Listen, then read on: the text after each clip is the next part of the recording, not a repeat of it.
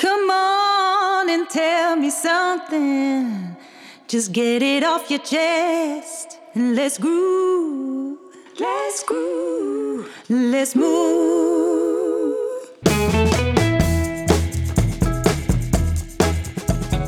We zijn weer met de Tandartsclub begonnen op Clubhouse. Nico Bezuur, eigenaar van Congrescentrum De Hamermolen... en Ron Steenkis, Tandarts Business Mentor. In principe elke vrijdagochtend om half negen. Ook dit winterseizoen willen we aandacht geven aan alle facetten van de tandheelkunde die ons bezighouden. En ieder is welkom om zich aan te sluiten op deze ochtenden. Heb je nog geen lidmaatschap van Clubhuis? Stuur een bericht naar mij. Ron Steenkist op LinkedIn. Dan maak ik dit voor je in orde.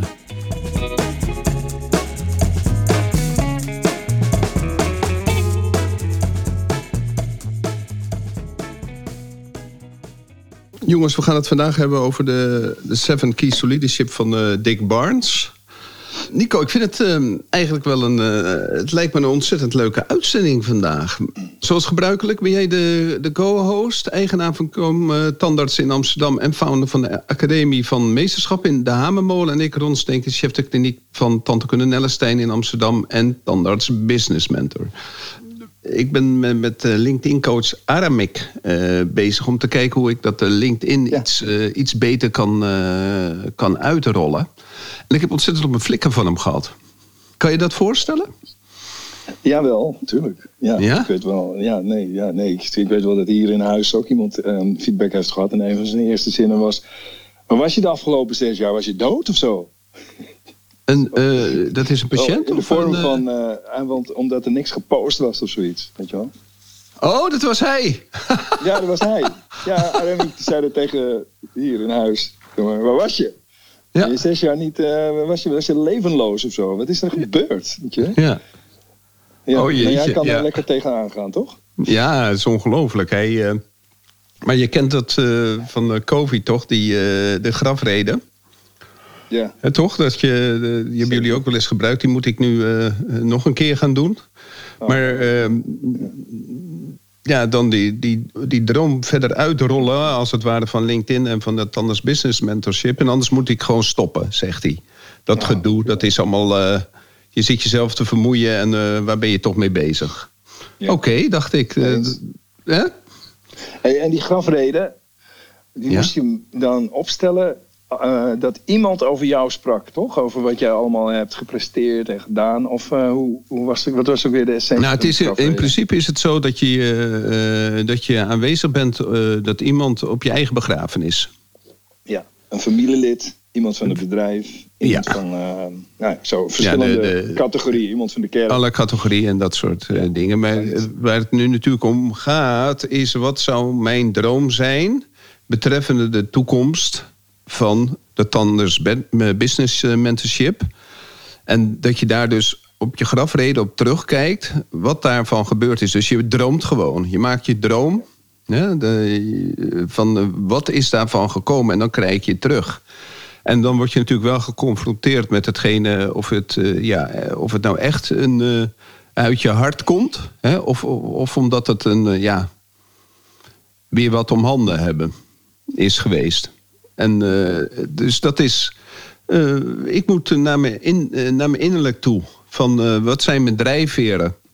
Kijk, die drijfveer van die, van die podcast en de drijfveer van de, dus de interviews, hè, dat is voor, duidelijk voor Bibi, dat is mijn legacy.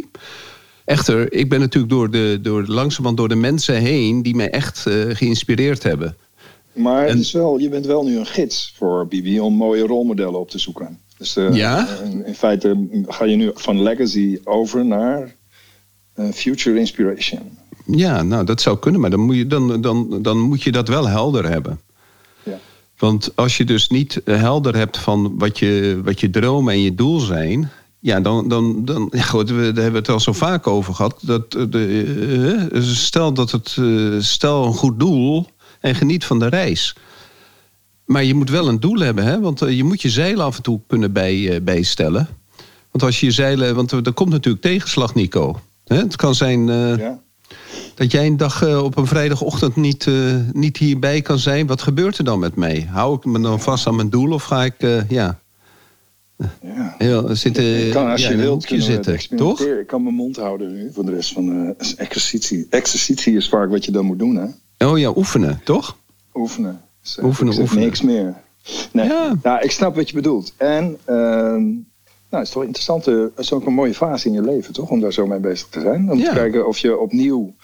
Want ik hoorde in je podcast ook zeggen... Ja, je, de prikkel van geld is niet aanwezig. Maar dan dacht ik... eh, nou, dat is toch mooi. Die prikkel die kunnen we opzij leggen. Welke, welke is er dan? Dus dan kom je ook heel erg bij... ehm, wat boeit mij? Wat geeft mij zingeving? Waar voel ik mij dankbaar voor? Of waar, waar voel ik me door geïnspireerd? Of wat, waar, sta, waar spring ik mijn bed voor uit? Nu. Ja. Dat, is, dat vind ik ook wel eh, cool. Ik denk dat wij... Ik vind dit bijvoorbeeld ook... Ik vind een vrijdagmorgen is eh, een hele andere ochtend geworden sinds dat wij dit doen. Ja, dat is gewoon, waar. eh, het is, mijn het is de is- morning boost, hè, dit. Ja, het is de morning boost voor onszelf. Dus de, het brein gaat op scherp. Ik lees een paar dingen. Ik denk, nou, waar wil, waar wil Ron het over hebben? hè? Vaak is en jij hebt veel aangever of ik geef iets aan, maar jij wel het meeste. Ik vraag jou eigenlijk altijd van, nou Ron, waar gaan we het over hebben? Ik vind het lekker om uitgedaagd en verrast te worden. Maar ik dacht eigenlijk dat je het over verkooptechnieken, dus ik heb me helemaal ingelezen. Ik dacht, eh, oké, eh, hoe, hoe doe je het ultieme behandelplan? Maar we gaan weer terug naar leiderschap. Het is weer leiderschap, toch? Het is weer Ik had, ik had Ja, je toch een, eh voor Ja, het eerst eigenlijk iets gestuurd? Ja, ja. Ja. Het mooie van Dick Barnes is eigenlijk dat hij al in de jaren negentig schreef over de ketenvorming, hè? ja. ja. En dat is toch wel... Toen, eh, ook, toen hadden we ook Strawn ook al, hè? die kwam ook een beetje uit die contraien. Ja, die komt uit die contrain natuurlijk. Ik ben in 91 eh, Dick Barnes gaan doen. En eh, Dick heeft een, eh, nou wat ik wel eh, in een van de eerdere podcasts verteld heb, hadden wij zo'n meeting in, in, op de Universiteit van Amsterdam, en dat, op de Lauwersweg, het, de voorloper van het ACTA-gebouw. En ja, die man heeft toen een ongelooflijke indruk op me gemaakt. En Ja. ik ben toen die. Eh, eh, ik ben er echt helemaal ingedoken. Ik denk, dit is het. En ik ben Ja. toen die, eh, alles gaan implementeren. En het is toen zo helemaal misgegaan in de praktijk. Dat mensen echt Ja. dachten: man, waar ben je mee bezig? Ik, ik wil hier gewoon niet meer werken. Want ik was wel begonnen met de, de, de, hè, de bomen omhakken, maar had niet mijn zaag geslepen, om zo maar te zeggen. En toen ben ik eh, op een, eh, toen eh, constateerde Mark van Wingaarden dat. En toen ben ik samen met zijn Mark, kom op, we gaan naar Amerika. En toen ben ik echt, eh, ja, naar Ja. Los Angeles geweest, naar hem een week in zijn praktijk, een week in New York met hem. En, en toen is het op een gegeven moment eh, gaan dalen. En ehm, ja, dus die, die man is wel voor, voor. En dat komt ook wel in die, eh, in die grafreden terug, om zo maar te zeggen.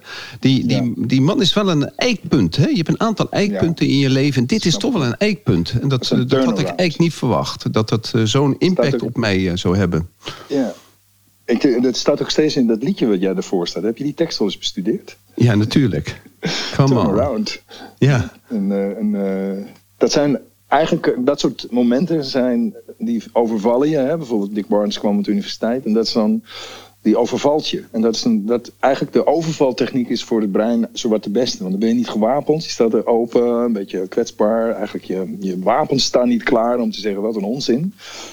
En dan eh, komt er zo'n ja, zo'n man en die gaat even vertellen hoe het zit. En dan komt er ook heel veel geluid uit de zaal. Nee, dat kan niet, het kan niet waar zijn of zo. Maar En de zaal was boos, hè? Soms. ja, de zaal was boos en ik herken dat ook wel. En, en langzaam maar zeker, ik, ik heb ook eens een keer, eh, Carl Reader heb ik ook eens een keer gehad. Die, eh, die hadden we ook een keer op de universiteit. En dan ook tandartsen. Nou, nou mag ik even generaliseren. Maar dat had, Barnes die had ook, dat vertelde jij mij ook wel, de one minute prep. Weet je nog? Ja. Uit de one minute prep. Als je daarbij stond te kijken, dacht je: nee, dat mag niet, dat kan niet. Zo snel. Dat is Ja. niet goed of zo, weet je wel. Dat is kwetsend, het is gevaarlijk. De pulpa, de pulpa. Terwijl Ja. het ging hem erom dat je de technieken die beschikbaar zijn en de meest geavanceerde boordjes die er ook zijn, die juist het kwetsen voorkomen, dat dus die how long, hè, hoe lang doe je erover? En dan heb je bijvoorbeeld, eh, nou, ja, het zijn van die momenten van, oh, voor prepareren is ook zo'n moment van decision making.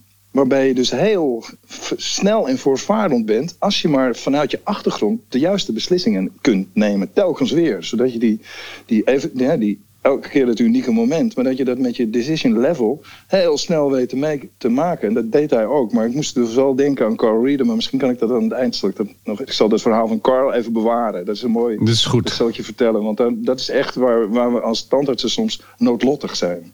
Ja, vind ik wel mooi. En, ik, ik, ken de anekdote, maar ik, ik vind hem zeker maar waardig om deze podcast af te sluiten. Ja.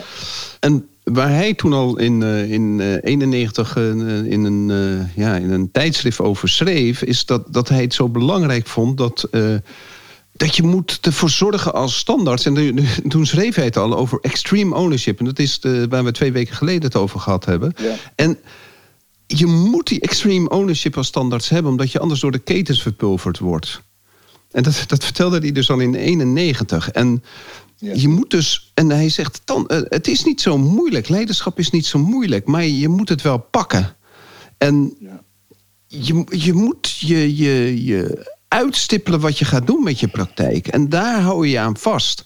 En dan komt als een eerste regel is... Um, firm in principle en flexibel in de procedure.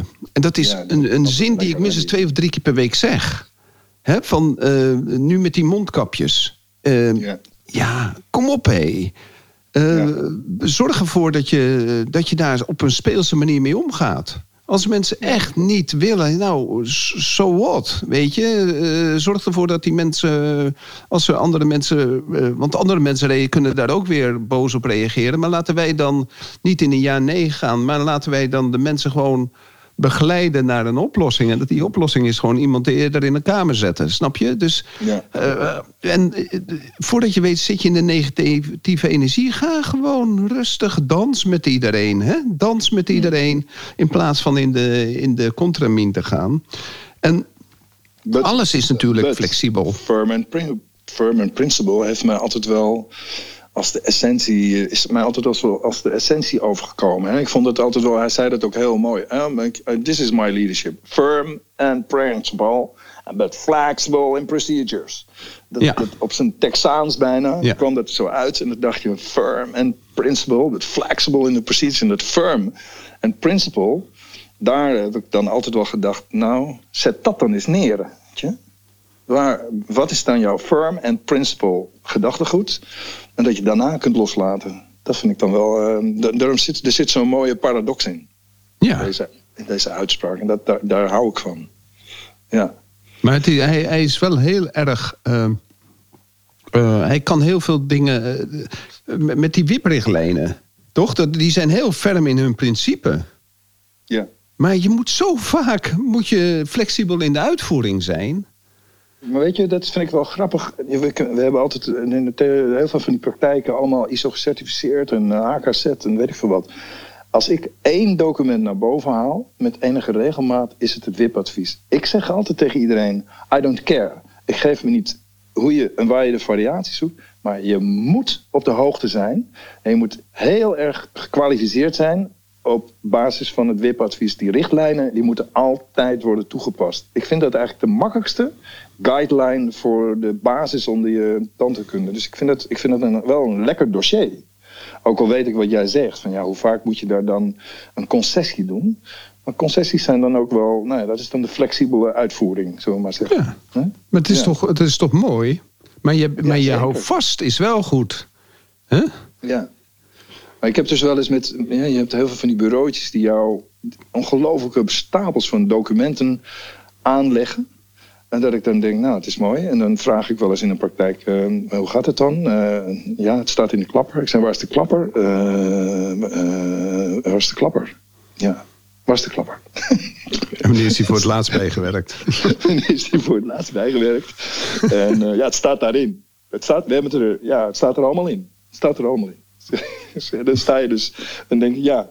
Dus daarom heb ik wel vaak eh, dat ik met mensen zeg, nou die klappers die zijn mij wel vaak veel te dik.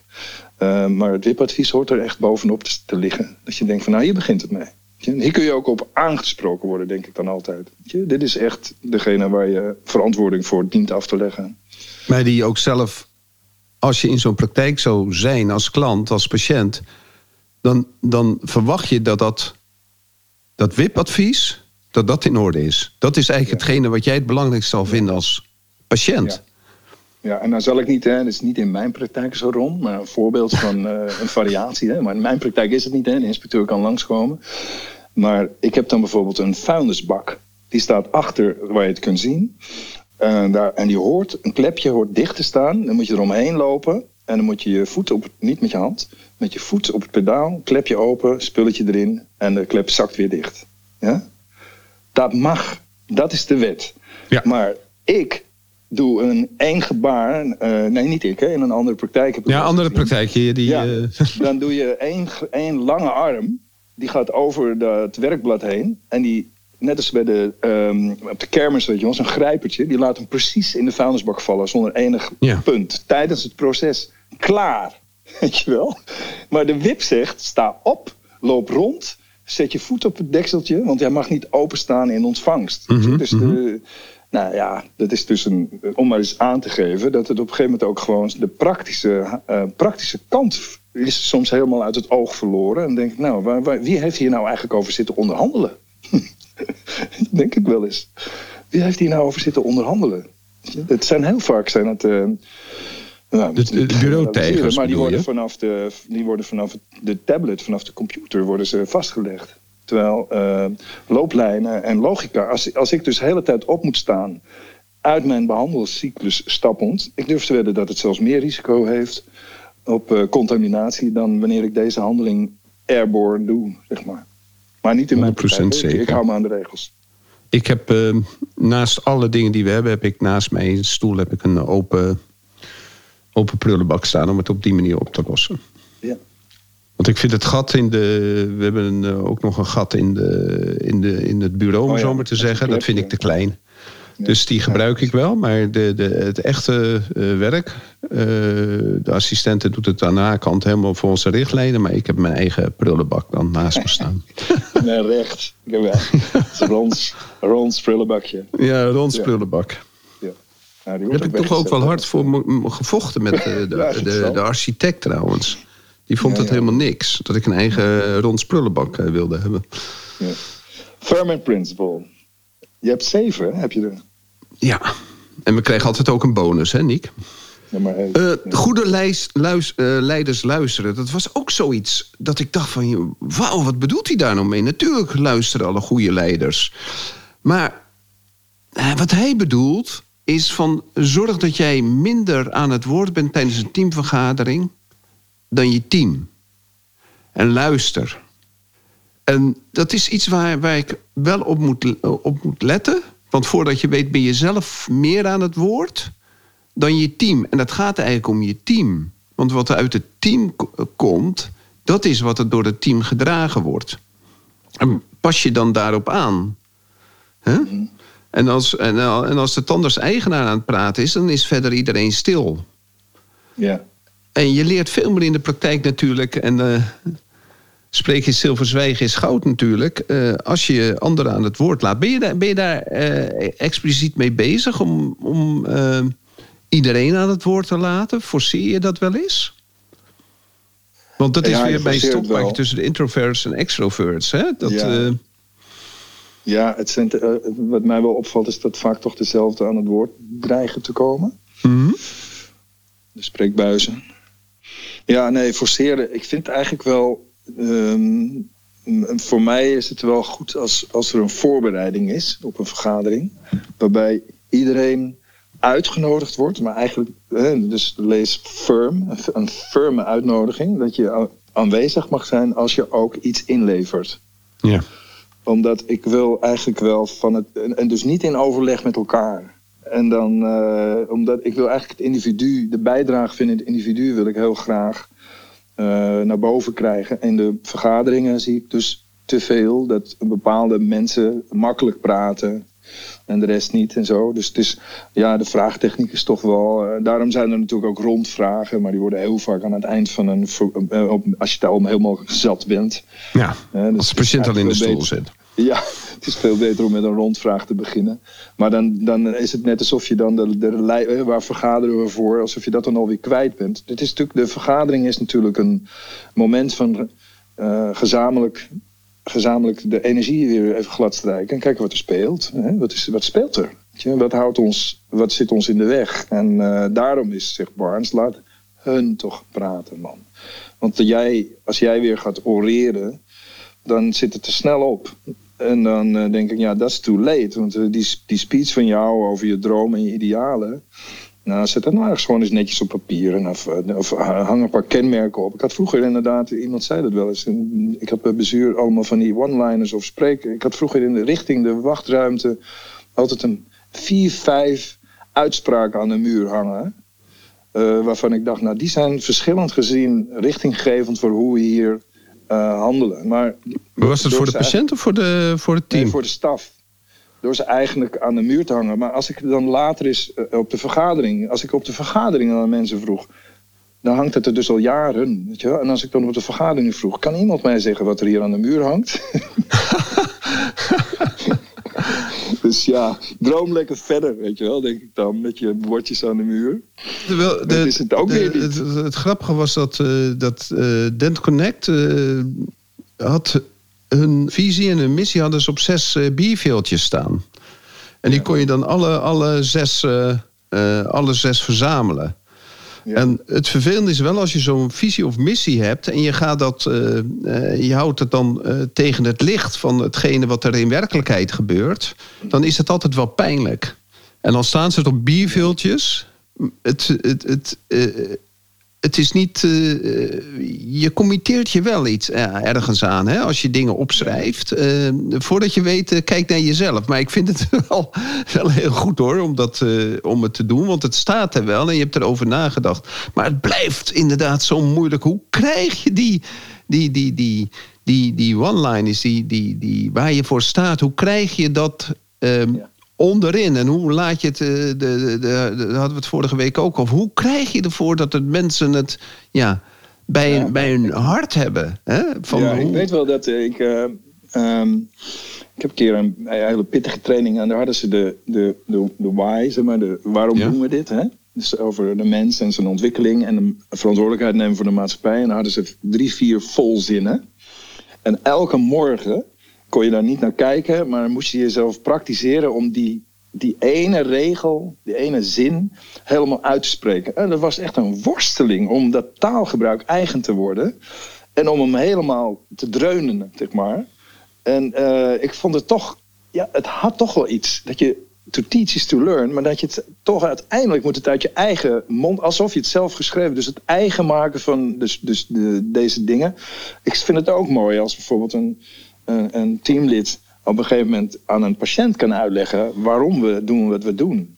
Als, dat, als we dat dan, laten we dat nou eens. Heb, heb ik u wel eens verteld waarom we hier deze praktijk runnen? Ook, ook op een moment, dat is ook interessant, op het moment dat je een mond vol met vuil ziet. Hè, dus waar Barnes of Reader, die zei dan altijd: de first impression, uh, die neem ik om het vuil uit de mond te trekken. Zei hij dan. Vooral met die mensen die, die hem lastig vielen.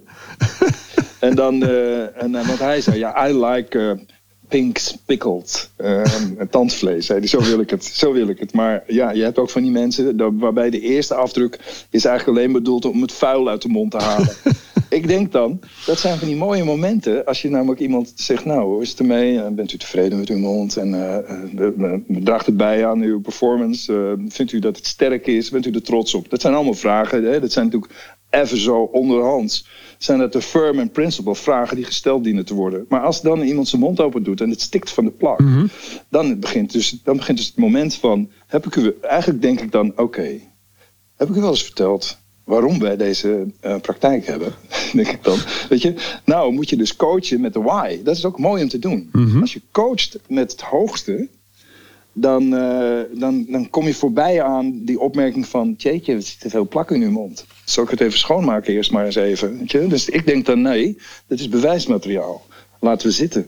Dus uh, we gaan eerst eens even praten van... Uh, nou, hoe vaak is dit al aan u uitgelegd? En dan, dan begint de coaching, weet je wel. Dus, de, dus ik vind dus, de, nou ja, wat jij zegt, hè, dus ja, je hebt het aan de muur hangen. Even terug naar de essentie. Want ik denk dat ik vind het wel leuk om jou de rode draad te bewaken eigenlijk moet toch de mensen zelf meer praten. Hè? Dus uh, dat was misschien ook wel de essentie van die vergadering. Luister naar ze. Uh, maar in, in, naar deze tijd toe geplaatst, waarin het nog duidelijker is, hè, met, met Simon Sinek's en, enzovoort. Er zijn nog veel meer rolmodellen uitgewerkt van mooie bedrijven. Dat je je dus realiseert dat, dat de, de, de, de reden van je praktijkvoering, dat het gewoon heel gaaf is als mensen daar heel makkelijk kunnen verbinden aan het dagelijks functioneren. En ook in de vergadering. En dat je dus steeds zegt, ja, zo halen we ons doel niet, hè? Zo halen we ons doel niet. Dat mogen ze, als zij dat dan op een gegeven moment zelf beginnen te zeggen, nou, nou, nou nu kan ik terugtreden, nou wordt het een tribe. Hè? Dat, is, dat, is waar je, dat, is, dat is waar je eigenlijk naartoe zou willen. Dat, ja, dan is, de, is de implementatie volledig, hè? Ja. Dan en dan kan je echt uit de weg gaan. Dan kan de leider kan uit het midden terugstappen naar de cirkel. En eventueel later nog zelfs buiten de cirkel. En kan de cirkel ook nog met rust laten. Dus hij heeft eerst nog een plekje in de cirkel. Maar de tribe is dat, dat je kolonisten hebt gecreëerd. Mensen die echt gaan voor het veroveren van het gedachtegoed en het implementeren daarvan. Ja, dat is natuurlijk super mooi. Dus dat, dat is als je naar deze tijd toe. We hebben denk ik wel. Barnes was zo'n een van de pure beginners. Maar dat waren ook die mensen die bij ons bijdroegen aan bijvoorbeeld die Tom Peters en, en uh, Waters en zo, toch? Al die, ja, ja nee, het, ook allemaal, het was allemaal zo helder. Eigenlijk kon je op een gegeven moment zien... hey, Barnes heeft uh, Peters en Waters gelezen en zo, weet je wel? Ja, maar goed, dat, dat, dat, dat, dat staat... ik, ik heb zijn klapper uit 91 laatst even doorgelezen... maar dan heeft hij inderdaad een bladzijde over uh, Tom Peters en Waterman... Ja. over succesvolle ondernemingen, ja. Ja, ja. Dat was een goede klapper, hoor. Zo. Ja. Firm and Principle. En dan hadden we luisteren naar de mensen.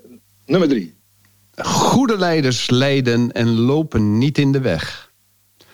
Uh, dus nadat je de juiste mensen hebt aangenomen, moeten tandarts uit de weg gaan. En mensen zelf hun professionaliteit laten tonen. En dan doen de mensen waar ze goed in zijn. En dat heeft ook een beetje te maken met het volgende punt al eigenlijk. Is goede leiders delegeren. In de ideale praktijk zijn teamleden zelf verantwoordelijk voor hun eigen werk. En de tandarts is vrij om gewoon, en de mondhygiënist natuurlijk, is gewoon vrij om tandarts te zijn. Ja. En dat hij juist degene is die, het, die gewoon met zijn in principe als leider ook de richting aan kan geven. Daar kan hij, bij, daar kan hij dan mee bezig zijn. Hij kan met de toekomst bezig zijn. En dan de mensen op de werkvloer zijn met, het lopen, met de lopende zaken bezig. Want we zijn natuurlijk, hè, dat is ook een van jouw stokpaardjes... we zijn veel te veel bezig met die, eh, die dagelijkse beslommeringen. En we, we vergeten met de toekomst bezig te zijn. Dus we hebben geen plan meer. Ons doel is uh, op de dag zelf.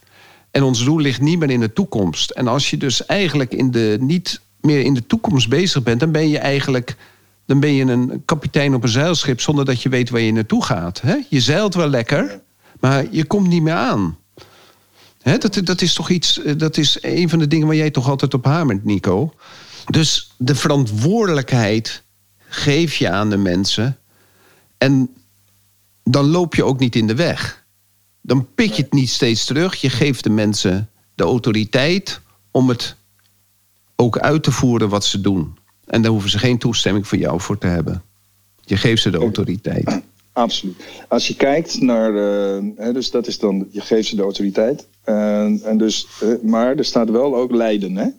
Dus, leiden, natuurlijk. Ja, en natuurlijk. je laat los, hè? en je delegeert. Hè? Dus je leidt en je laat los. Dus als het goed werkt, de club, dus als je dan de uh, Tuckman erbij haalt, hè? Forming, storming, norming en performing. Een prachtig, prachtig model. Ja. Waar je dus kijkt van nou zitten we in de eigenlijk de twee hoofdfases waar je op een gegeven moment in zit. Zitten we in de storming fase of zitten we in de performing fase? We horen, je wilt in de performing fase zitten. Dus is, iedereen, is de performing excellent? Is er een herhaling van het ultieme product? Is het, is het origineel? Maar is het, wordt het elk moment geleverd? Kan er ook gewoon een uh, mystery guest binnenkomen en dat alles klopt elk moment. Hè? Dat zijn allemaal van die toetsingsdingen.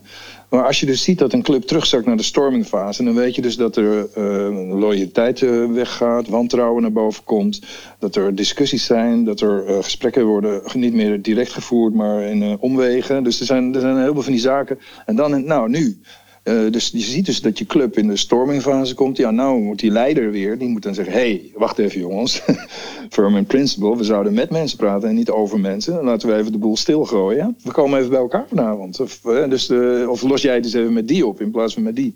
En dan kun je weer. Uh, was even, komt de tijger of de leeuw komt even tevoorschijn. En die laat even zien dat het misschien wel loslaten was, maar dat hij wel aan het, aan het zorgen was. Hè. Dus het ultieme hostmanship van leiderschap is dat je dus een, een sfeer van loyaliteit en vertrouwen als basis creëert. En dat zie je vaak in die stormfase dan wegzakken. Dus uh, ja, loslaten, delegeren. En dan, wat is dan het lijden? Dat is dan dit, dit sturen, een beetje voelen, kijken, denken: zit het goed? Zijn we hier, we, zijn we in vriendschap met elkaar bezig? Of is er sprake van wantrouwen, doorbreken van de loyaliteit? Dat zijn allemaal wel, dat zijn pittige woorden, maar dat is wel waar het over gaat, vind ik. Dat vind ik wel heel belangrijk voor de Anders, anders kun je niet werken. Als je bijvoorbeeld een voetbalteam ook, als die in de stormfase zit, als jij gewoon uh, een ekel hebt aan die briljante spits die voor je loopt, dan speel je hem gewoon aan op zijn verkeerde been. Ja, dat, zei dat deed Johan Cruijff altijd, hè? Als iemand uit het Nederlands team wilde hebben. Zegt, tuurlijk geef ik wel die voorzet, maar ik leg hem wel achter zijn verkeerde been. Ja. Ja, want we zitten in de vitrine, maar ik ga jou helpen. Ja, ja. helpt mij ook niet. Weet je wel? Dus de, de, dat, is, dat is het hele. Ja, dat zijn toch fantastische principes om uh, mee bezig te zijn. Ja. Dus nog steeds geldig, Ron. Nou, het is natuurlijk die. Eh, als je nou uh, een groot voorbeeld hebt, is het Nederlands uh, damesteam hockey. Daar heb je toch altijd van gedacht dat het een, ja, een goed geoliede machine was. En er is dus gisteren naar buiten gekomen met een, via een persbericht dat, dat, dat de Hockeybond een intern onderzoek eh, is aan het starten, omdat er eh, ja, toch wel heel veel storming was binnen de groep. En ook dat, uh, dat mensen eruit vielen. En dat er gepest werd. En ja, ik schrok er nog wel van, want het leek altijd zo'n hechte groep. Maar ja, het is natuurlijk wel altijd zo dat in elke groep heb je natuurlijk altijd. Eh, je hebt natuurlijk altijd mensen die van de oude garde. En dan komt er vaak weer jonge mensen bij. En ja, die mensen van de oude garde die zijn natuurlijk ook weer bang voor hun plek, want ze zijn professionals.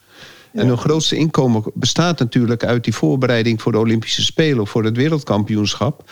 Dus het kan best zijn natuurlijk dat je, dat je een groepje hebt gehad dat niet de verkeerde voorzet gaf, maar gewoon ja, die, die, die nieuwkomers gewoon een beetje aan het pesten waren.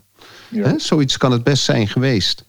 Maar goed, dat is uh, gissen. Maar je, je, ziet, je ziet wel van uh, ja, zo'n club die, die, die ogenschijnlijk zo uh, ja, als een team functioneert, dat daar toch een intern onderzoek moest zijn. Ja, nou weet je, ik vind wel. Kijk, vaak ben je geneigd om, om heftig te reageren als er onvrede in huis is. Ken je, herken jij dat? Dat je. Ah, wat is er toch een naar? Ik wil, ik wil gewoon een goede stemming hebben. Ja, net als thuis ook natuurlijk. Als de dochters ruzie hebben, dan wil je dat ook oplossen. Ja, dat wil je niet. Maar Ga uit de weg. ja, ik zei het laatst toevallig tegen mijn dochter. Niet alles wat je ziet en hoort... zou je meteen moeten concluderen dat er sprake is van ruzie. Het is gewoon, uh, het woord ruzie, ruzie is een negatief uh, verankerd, maar het uiten van je emotie is ongelooflijk belangrijk. En een vraag stellen. Dus het gaat ook gewoon om emotional management is toch wel zo dat we daar, eigenlijk zijn we daar gewoon, uh, eigenlijk loopt iedereen nog in een luier als het gaat om emotional management. dus dat is, dat is wel een. Uh, daar, daar, heb je, daar heb je heel veel te doen. Ik weet niet, of Barnes er nog iets over zegt in zijn, in zijn, uh, in zijn zeven stappen. Maar ik vind wel dat we het meeste last heb ik eigenlijk van verkeerd omgaan met emoties dat, dat zit me nog het meest, daar, daar moet ik het meest aan doen. En eigenlijk moet ik daar continu moet ik mensen meenemen naar het ideaal van emotiemanagement, hoe je daarmee omgaat. Ja, jij bent niet meer bang voor storming. Nee, ik vind storming moet. Weet je, ja, maar goed, dat, dat is. Maar het is buiten comfortzone van de meeste mensen, hè? Ja, en ik wil Voor mij ook. verder buiten die Ik moet hard werken dan. Hm? Ja, maar je moet, je moet nog verder buiten die comfortzone gaan. Namelijk dat ze het ook direct tegen elkaar gaan zeggen en echt en echt, weet je wel. Dus dat is, maar ja, de, we hebben het altijd, eh, er wordt uh, vaak te veel geschrokken van ruzie en er wordt te weinig gedaan aan compliment, complimentmanagement. Hè? Dus dat klinkt ook een beetje van, heb ik vandaag al een compliment gegeven, anders verzin ik hem wel. Complimentmanagement, maar ja, Jij doet het ook altijd heel mooi. Hè? Geef je wel dankbaarheid. Ik weet nog wel dat je dat aan mij vroeg uh, toen, toen je bij mij in de stoel een keer zat. Het is altijd wel een anekdote die ik, heb op, op, op, die ik ophaal af en toe. Dat ik zelf denk dat ik heel complimenteus ben. En dat jij zegt tegen mijn assistent, die geeft hij jou wel eens een complimentje. En, en dan denk ik, nou, nou, en ik loop er echt van over, dacht ik. en jij moet het dan weer vragen, weet je wel, in mijn, in mijn tent. En uh, omdat je bij mij in de stoel zit. Wat zijn ze toch fantastisch, hè, Niek? Dat zei je nog zo van, uh, over, die, over de assistent. Wat zijn ze toch fantastisch. En, uh, maar geeft hij je wel genoeg complimenten? Nou, nou, ja, weet je. Hij geeft wel complimenten hoor. Maar hij komt ook heel vaak met iets nieuws. En dat voel ik toch als een commentaar. Ja. Dacht ik, nou ja, Jeetje, dat had ik nooit verwacht. dus het is toch wel, weet je, communiceren is volgens mij het goud van een, van een organisatie. Echt door en rond en helemaal afronden naar wat je ermee wilde bereiken, maar ook uitwisseling over wat was mijn boodschap dan precies. Dat is toch wel het goud. Uh, om daar, daar, en daar heb je dus heel veel zelfrealisatie voor nodig om in het moment te zitten. En continu te zien dat, dat je beperkt bent in je communicatie, maar dat je geniaal kunt zijn in je correctie daarop. In het luisteren en voelen en lezen van de lichaamstaal. En dat je denkt, nou, wat ik heb gezegd komt volgens mij niet over. Of wat, ze nu, wat zij of hij er nu mee doet, is niet het bewijs dat, dat, het, dat het begrip is voor wat ik heb gezegd. Dus dat je dus je output management, en dus je input is wat je zegt, output is dat je kijkt naar wat er dus mee gebeurt output management is eigenlijk waar het over gaat. Dat is het eind van de rit. Dat is toch het bekende, het bekende verhaal van 15 mensen op een rij die elkaar dezelfde boodschap moeten doorfluisteren. En dan ben jij nummer 16. En dan denk je, waar gaat dit over? ja. Dat is output management. In heel veel gevallen lijkt het wel alsof er gewoon 15 mensen aan de knop hebben zitten draaien van de firm and principle um, principe van Barnes. Ja. En die moeten het dan aan elkaar leren of duidelijk maken. Ja, daar. Dus dat is, dat is volgens mij toch het goud van, van je leiderschap. Is dat je output management doet. En dan kom je in de, nou ja, de reprimands en de compliments en de reprimanden. Dat vond ik altijd wel een mooi zwaar woord. Een reprimand. Ja. Het gewoon een bestraffing. Oh, oké. Hoe voelt dat? dat, nog een dat is eigenlijk weer het, ook een bestraffing en een compliment. Hè? Dat is richting geven hè? in hetgene zoals je het eigenlijk wil. En als je dat niet doet, dan komen we allemaal weer uh, uh, in een comfortabele positie uh, komen dan te zitten. En dan zijn we allemaal wel. zijn we gewoon tevreden. En dan vragen we ons niet meer af waarom we de dingen doen die we doen. Hè? Hmm. en dan krijg je weer het effect van. omdat ik het altijd zo gedaan heb. En dat is ook vaak een, een reactie. Hè? Als je doorvraagt of als je, een, zoals jij zegt, een reprimande geeft dan krijg je vaak een reactie van... niemand heeft me dat verteld. Uh, zo hebben we het altijd gedaan. Ja. En dat is, dat is in principe natuurlijk al een, um, een reactie... dat jij dus als leider er niet voor gezorgd hebt... dat mensen zich uh, veilig voelen. Ja. Want dit is een reactie uit onveiligheid. Ja. En, en dan, dan als, als een assistent er zo op mij reageert, als ik dus over bezig ben met de praktijk beter te maken, ze reageert zo, dan weet ik dus dat ik in, mijn, dat ik in de veiligheid van de praktijk gefaald heb. Ja. Omdat ze mij dan op dat moment als, uh, als eh, vijand ziet. En dat hoeft niet, want ik ben alleen maar bezig. Ik ben niet met haar bezig, ik ben bezig met mijn praktijk beter te maken. En, daar, en dan uh, zijn wij samen een onderdeel van. Kijk, het inconsequente. Ik heb uh, toen ik nog met de auto reed, tegenwoordig zit ik eigenlijk uh, eh, 100% in de trein. Maar toen ik met de auto reed, dan was er onderweg een benzinestation. En daar kon ik altijd voor een heel klein prijsje een ontbijtje krijgen. En op een gegeven moment hadden ze bedacht, er was dan een ontbijtbroodje en een sapje enzovoort. En op een gegeven moment hadden ze bedacht, nou, we gaan iets extra's doen voor die mensen. We doen een, een broodje ei met, met spek. Dat doen we. Nou, dat is, voor mij niet uh, weggelegd. Dus ik, zei, ik zei dan, uh, kan het ook. Ik vind best wel, ik wil best wel een broodje ei, lekker, een warm eitje, oké. Uh, maar dan zonder spek. Ja, nou, natuurlijk, natuurlijk. Dus, nou, dus dat ging dan zo. En dus ik kom, nou, ettelijke keren later kwam ik langs. Er stond er iemand, nou, niet helemaal nieuw, maar toch wel nieuw. En ik zei, doe mij maar een vegetarisch ontbijtje. En ze keek me echt aan. En wat? Vegetarisch ontbijtje, ja, een vegetarisch ontbijt. Komt die mevrouw die het eigenlijk altijd voor mij doet, die komt uit die keuken lopen. Ja, meneer is vegetariër. Uh, dus zegt die, zegt die kracht aan de, aan de... Ja, dat weet ik toch niet? oh, dat vind ik zo mooi. Ja, dat weet ik toch niet? Nou, deze reactie, ook in deze toon, die hoor je toch wel vaak, vind je? Ja. Die, die refereert aan wat jij net zegt. Ja, ja dat weet ik toch niet? ja, en, eh, dat, is echt, dat vind ik zo mooi, weet je wel. Dan is zo'n team, is er één iemand die zegt dus eigenlijk, die doet een stapje extra. Die zei op een gegeven moment ook tegen mij, vindt u het goed, ik er een, lekker een tomaatje tussen stoppen? Want ja, ik vind het toch een beetje oneerlijk. U krijgt geen vlees, u krijgt alleen maar een eitje. Zal ik er eens een keer een tomaatje tussen stoppen? Nou, de volgende keer, als ik dan zeg, doe maar weer zo lekker met tomaatje, dan zal die mevrouw wel zeggen, ja, dat weet ik toch niet. Weet je wel, een andere. Dus het is ook zo dat, dat is ook wel weer een droevig lot. Er zijn soms soort van hele goede presterende teamsleden, die zetten iets neer.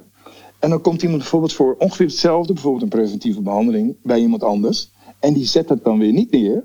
Ja, nou, dit soort van verschillen, wat doe je daar dan mee? Weet je wel? Ja, dat is, this satisfying factor. Ik wil alleen nog maar bij die, zegt Ja, ja dat krijg je, ja. Ja, en? ik wil alleen nog maar bij die. Ja, dan denk ik, dat is, dat, daar gaan we weer. Dat is toch dat vegetarische eitje. Dat stapje extra wat je zelf bedenkt, is ook een creatie heel vaak. Dus ook, daarom, ik vind, ik vind het heel belangrijk dat je in het moment kijkt wat er nodig is om ja, het klinkt een beetje commercieel om een soort van wow-ervaring, maar die is eigenlijk ook voor jezelf. Ik vind als er mensen heel tevreden zijn, wie zei dat nou vandaag tegen mij? Dat iemand zei dat hij echt, echt voor jou, ik kom hier helemaal voor jou van ver, zei, zei zo iemand tegen mijn preventie-teamlid. Wat ik ook heel mooi vind, dat die preventiemensen uh, krijgen toch steeds meer gevoel dat ze hun eigen patiënten hebben. Ja, dat vind ik wel, dat vind ik wel gaaf. Band. Dat ze dat, Daar komen ze voor. En dat is ook een belangrijke band, want daarom blijven ze ook bij je. Hè? Want meer nog dan dat ik de sfeer van de dag bepaal, zijn het de patiënten die in deze co-creatie meewerken. Dat ze, de patiënten hebben ook een bijzondere taak, vind je niet, Ron? Die kunnen ook kloten. Hè? Die, want ze zeggen altijd de klant is koning. Nou, de teamleden eerst. Maar eh, op een gegeven moment, de klant is koning, dat is als iemand het niet. Sommige klanten die zich als koning gedragen, verdienen het om uit je praktijk te worden gezet. Dat is echt interessant. Dan is die dus eigenlijk een koning, maar wel wegwezen. Want zij, zij, zij gaan gewoon onheus en bruut met je mensen om, om wie je geeft. En dan is het tijd om je leiderschap te tonen. Te zeggen, nou, dat gaan we niet meer doen.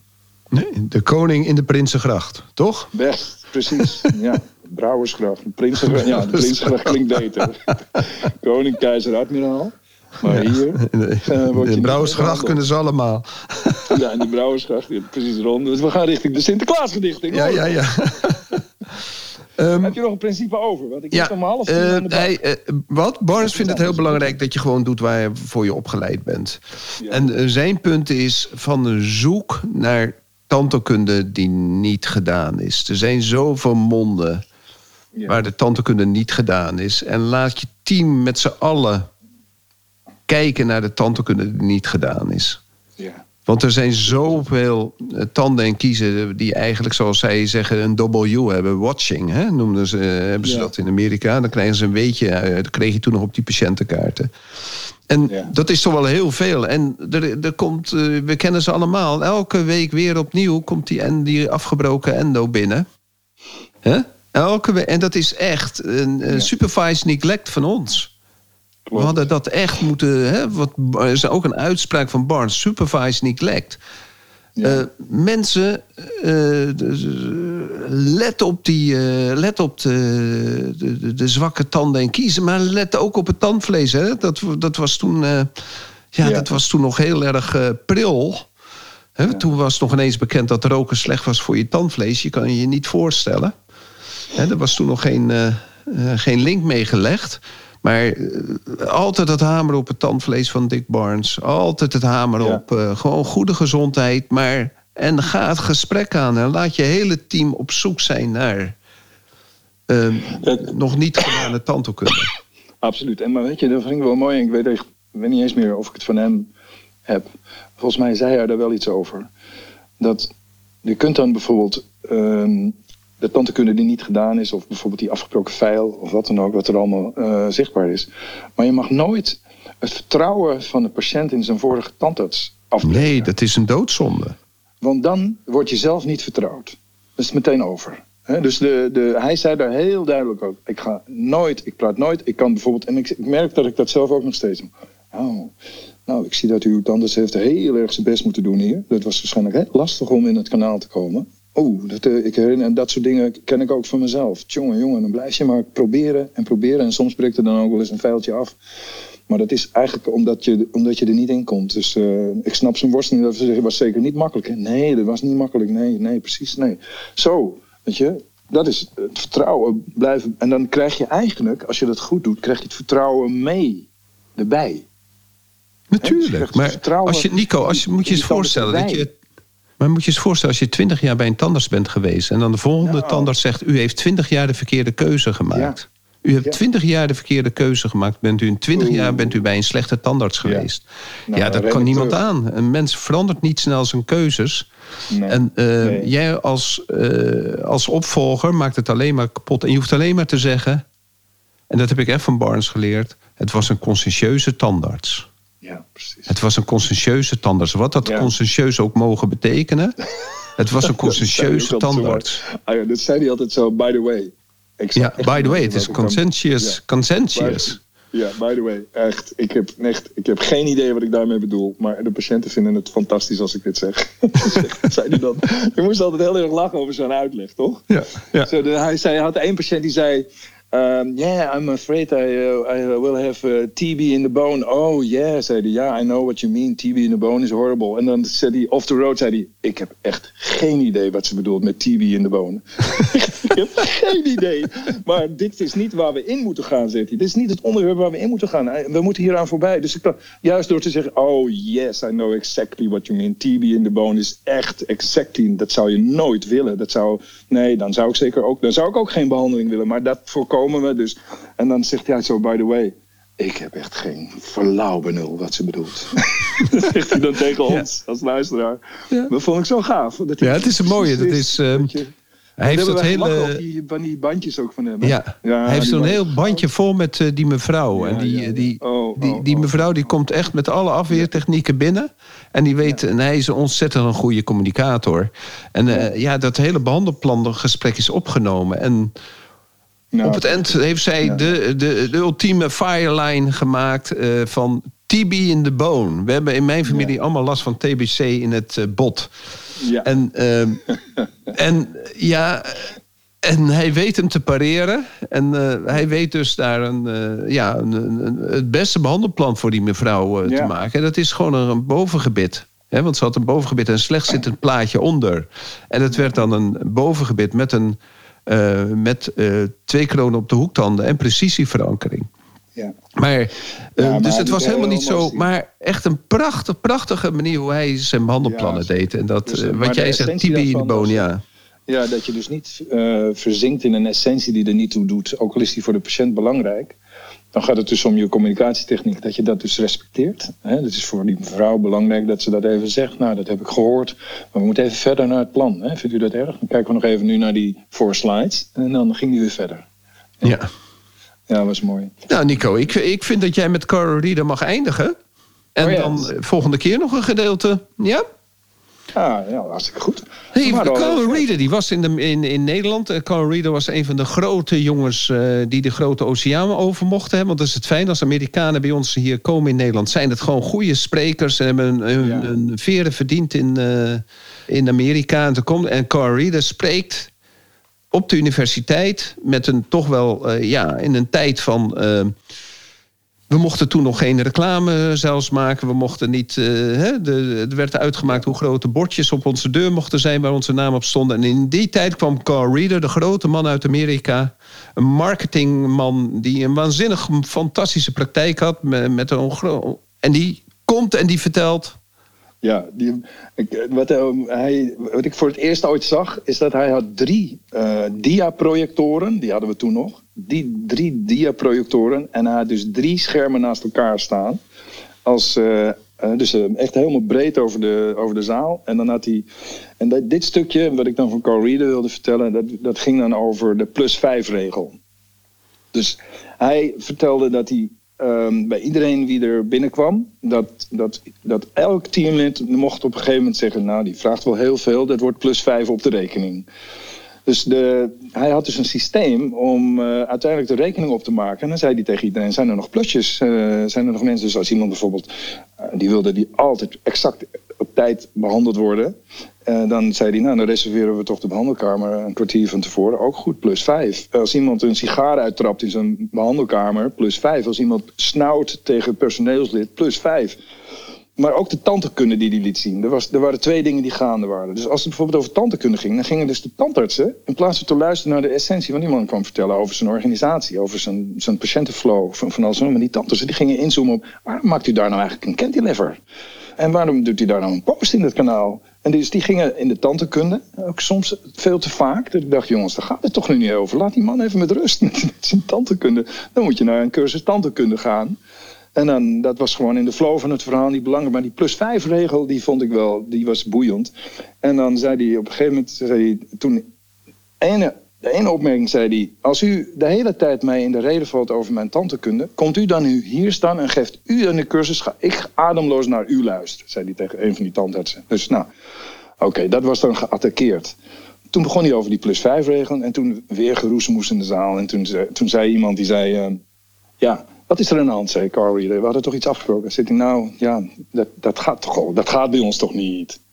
Dat gaat bij jullie niet, zei hij.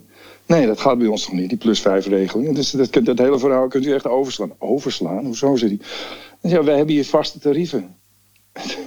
toen was hij helemaal perplex. En toen zei hij... Uh, nou, vaste tarieven? Nou, hij moest even kijken wat hij zei. Toen zei hij... Nou, dan zou ik zeggen, uh, ga naar een ander land. Ga het land uit, zei hij, want het is echt onmogelijk. Dat gaat niet. Dat gaat gewoon niet, zei hij. Dus uh, naar omringende landen, ga naar een ander land. Ja, ja, jeetje. Oh, dat zo'n... Nou, zegt hij, of je gaat naar een ander land, of je verandert het. Dan zegt hij, maar je kunt niet van ons Amerikanen verwachten dat we jullie nog een keer komen bevrijden. Dat, dat vond ik zo'n mooie uitspraak. Ja. Echt, iedereen, we zaten daar standaardje. Echt zoiets van, nou, ja, hij heeft wel een punt. Ja. Nou, dan gingen we weer.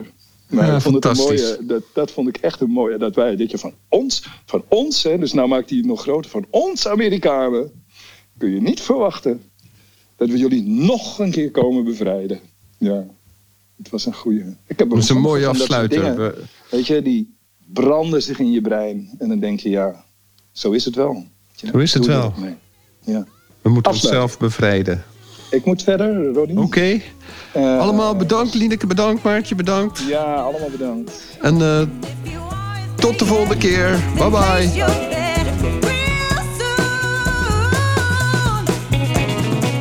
Super dat je weer luistert naar een aflevering van de Tandartsvrijheid en Meesterschap podcast. Ik zou het zeer op prijs stellen als je een review achter zou laten. Je kunt je ook abonneren op deze podcast. Klik dan in de podcast-app op de button subscribe en je ontvangt automatisch een berichtje bij een nieuwe aflevering. Ken je iemand die deze podcast ook leuk zou vinden? Deel deze dan. Via Spotify kan je dat heel simpel door op de drie puntjes te klikken en te delen. Je kan mij ook bereiken via mijn LinkedIn-account. Ik ben te vinden onder mijn naam Ron Steenkis. Nogmaals, dankjewel en tot de volgende keer.